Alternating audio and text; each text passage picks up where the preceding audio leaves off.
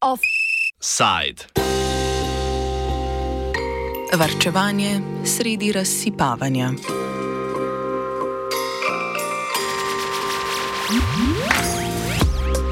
Poslanci imajo ta teden na seji državnega zbora polna usta finančniškega žargona. Na eni strani se zgražajo nad vrčevanjem, na drugi pa pr propagirajo državne investicije v popoplavno obnovo. Vlada za naslednje leto predlaga proračun z odhodki visokimi prek 16 milijard evrov. V predkoronskem času so letni odhodki državnega proračuna znašali okrog 10 milijard evrov. Tudi kljub rekordni odhodkovni strani proračuna, vlada na socialnem področju načrtuje vrčevanje. Konec prejšnjega tedna je vlada sicer pristala na spremembo predloga zakona o izvrševanju proračunov v letih 2024 in 2025. Po prvotnem predlogu bi namreč zamrznila usklajevanje višine socialnih transferjev z rastjo življenjskih stroškov. Z amandmajem so določili, da se bodo socialni transferji uskladili z inflacijo, vendar ne v celoti, ampak v vrednosti 70 odstotkov inflacije med letošnjim in lanskim decembrom.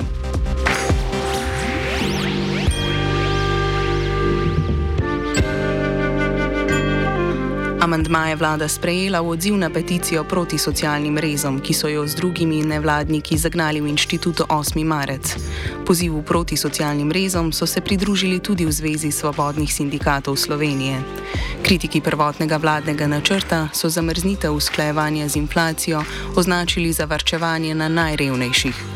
Po zakonu o usklajevanju transferjev posameznikom in gospodinstvom se višina socialnih transferjev enkrat letno avtomatično v celoti usklajuje z inflacijo. Vlada je to želela za eno leto zamrzniti, kar so upravičevali s pomankanjem sredstev, ker je treba denar nameniti ukrepom po poplavah.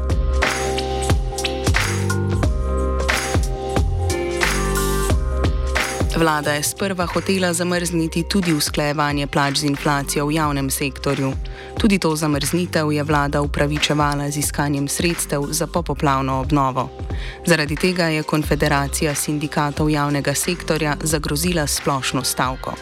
Kot so povedali sindikalisti, je usklajevanje plač v javnem sektorju stvar sprotnih pogajanj med vlado in sindikati.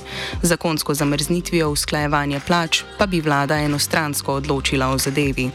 Po besedah predsednika konfederacije Branimirja Štruklja bi to pomenilo de facto prepoved pogajanj in ukinitev socialnega dialoga. Po grožnji stavko pa je vlada sporni člen črtala.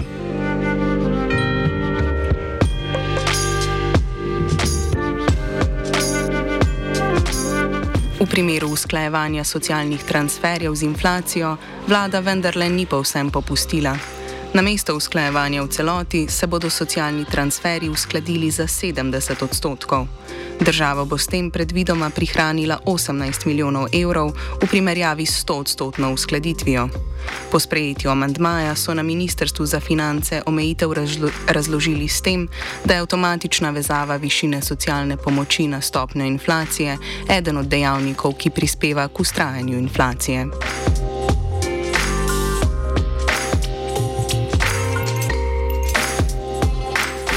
Spremembo predloga zakona o izvrševanju proračunov komentira Andrej Zorko, izvršni sekretar Zveze svobodnih sindikatov Slovenije. Ampak vsekako je, je poteza vlade, uh, ki je zgolj za 70 odstotkov ne, uskladila uh, socialne, uh, to je pristavljeno usklajevanje socialnih transferjev 70 odstotkov inflacije, glede na prejšnjo leto, je nek, sicer je nek korak naprej. Eh, glede na prvotni predlog, ki so bili v celoti zamrznjeni, vendar pa uh, je absolutno premajhen. Uh, vlada bi, po mojem prepričanju in pa predvsem parlamentarci, mislim, da tukaj predvsem v rokah parlamenta, poslanki in poslancev, bilo odločitev, uh, ali se bo v Sloveniji povečalo število revnih ljudi ali ne, na kakšen način, kakšna bo kvaliteta življenja torej revnih ljudi, to je tisti, ki so danes, recimo, pa tistih, ki Eh, prejemajo neki socialni transfer. Skratka, mislim, da tukaj bi bila storjena napaka. Ne? Da 30 odstotkov razlike ne pomeni tolikšen znesek za proračun, da bi lahko uh, rekli, da je proračun stabilen in se mi zdi, da je poteza, ki je bila dana, da se 70 odstotkov na mesto 100 odstotkov skladi, da gre zgolj za neke vrste, ne vem, principil, princip uh, posameznikov, uh, ki so pač rekli, ne, ne bomo s tem dali vse, čisto odkrito in mislim, da to bo napačna pot. Zorko je kritičen tudi do argumenta Ministrstva za finance. Po njegovem moramo dejavnike, ki vplivajo na inflacijo, iskati drugot. Argument vlade ne zdrži. Ne? Uh, namreč na inflacijo v tem trenutku vplivajo predvsem drugi, drugi uh, faktori, ne pa višina prejemkov. Pa tudi, če smo zelo odkriti, uh, vsi prejemniki socialnih transferjev le te tudi takoj dejansko vrnejo nazaj a ne kaj ti uh, eh, nazaj skozi večjo potrošnjo. Uh, in uh, s tem seveda tudi skozi plačilo DDV-ja in proizvodov in postoritev. Namreč treba je vedeti, da ljudje, ki pa imajo socialne transferje, uh, ti ljudje nimajo nekih prihrankov. In uh, sproti, kaj dobijo, tudi sproti porabijo za življenje. Tako da in tukaj pritisk na, na inflacijo, uh, na višino inflacije, ta argument tukaj ne zdrži. Eh, prej bi rekel, da je ravno obratno. Ne? To je, da morda na inflacijo v večji meri vplivajo eh, dan danes, bom rekel, to je višina dobičkov, uh, rast posameznih, uh, bom rekel, premoženje posameznikov, ne pa, ne pa socialni transfer. In tole, tole je argument, s katerim se mi nikako ne moremo strinjati. Pa tudi, če bi držalo to, je treba vedeti, kaj je prvotni namen socialnih transferjev. Osnovni znesek socialnih prejemkov, usklajevanje katerega z inflacijo zdaj skrbi vlado, se določa na podlagi izračuna minimalnih življenjskih stroškov. Te računa Inštitut za ekonomska raziskovanja na ekonomski fakulteti Univerze v Ljubljani. To je minimalni življenjski stroškov, vsekakor to je vpliva, to je tudi posebno na višino socialnih transferjev. Namreč uh, socialni, namen socialnih transferjev je to ta, da bi ljudje lahko uh, v času, torej, ko nimajo uh, nekih drugih rednih prihodkov, kot recimo plača, ali pa če so ti prihodki preniski, torej, da bi lahko preživeli. Spaj, po, na nek način to je tudi vplivajo torej, na višino socialnih transferjev. Zdaj, problem po izračunu minimalnih življenjskih stroškov je ta, da se leti ne delajo vsako leto, ampak se delajo nekje na 4 do 5 let. Kar pomeni to, je, da se seveda postavi tudi vprašanje realnosti recimo, višina izračuna, izračuna na višine minimalnih življenjskih stroškov. Uh, v nekem obdobju, recimo, ki sledi moče dve leti ali pa leto dni po tistem, ko so že bili izračunani, kajti ti stroški nedvomno so višji, kot so pa bili to je takrat, ko so bili izračunani.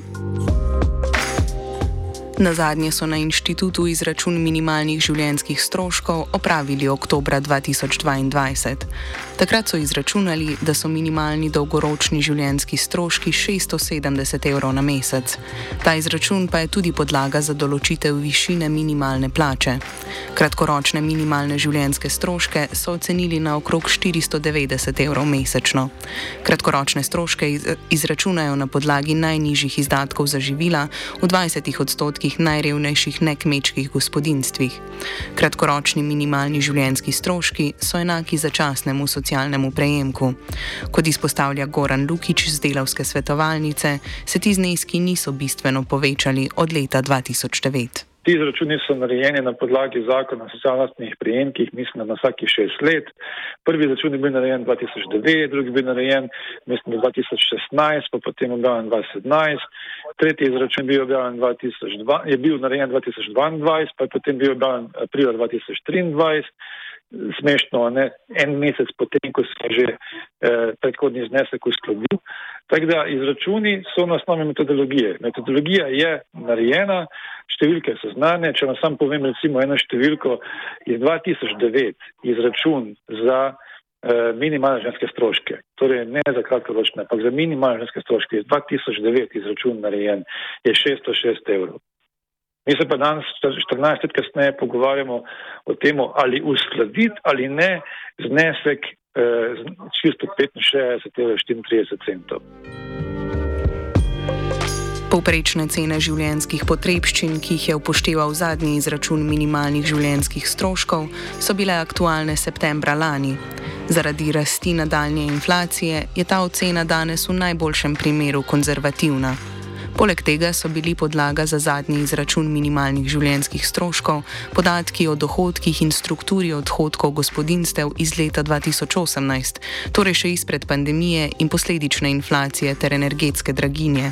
Delež najnujnejših potrebščin v izdatkih tako ni aktualen, meni Zorko.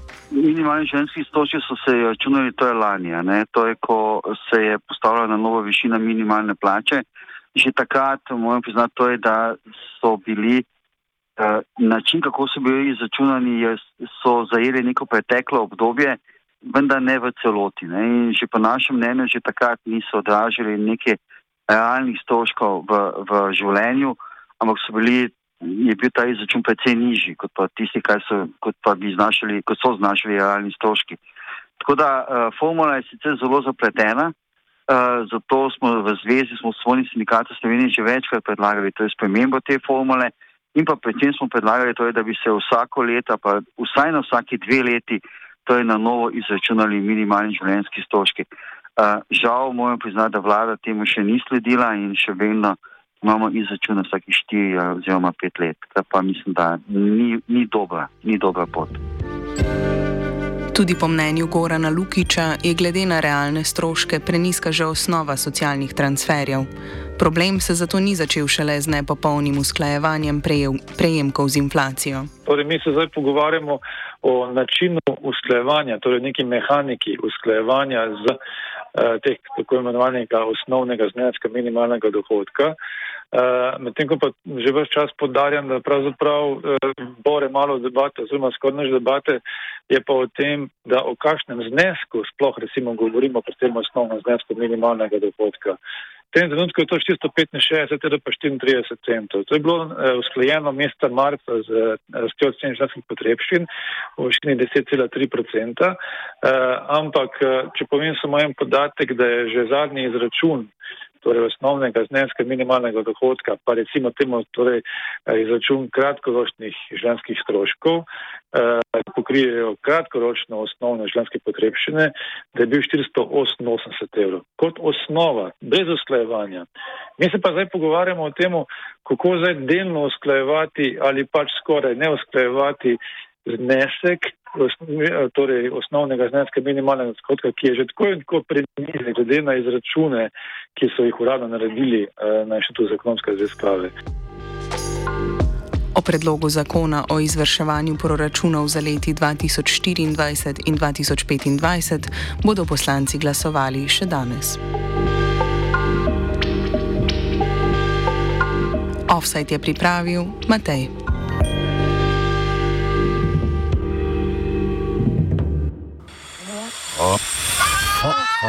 Ah!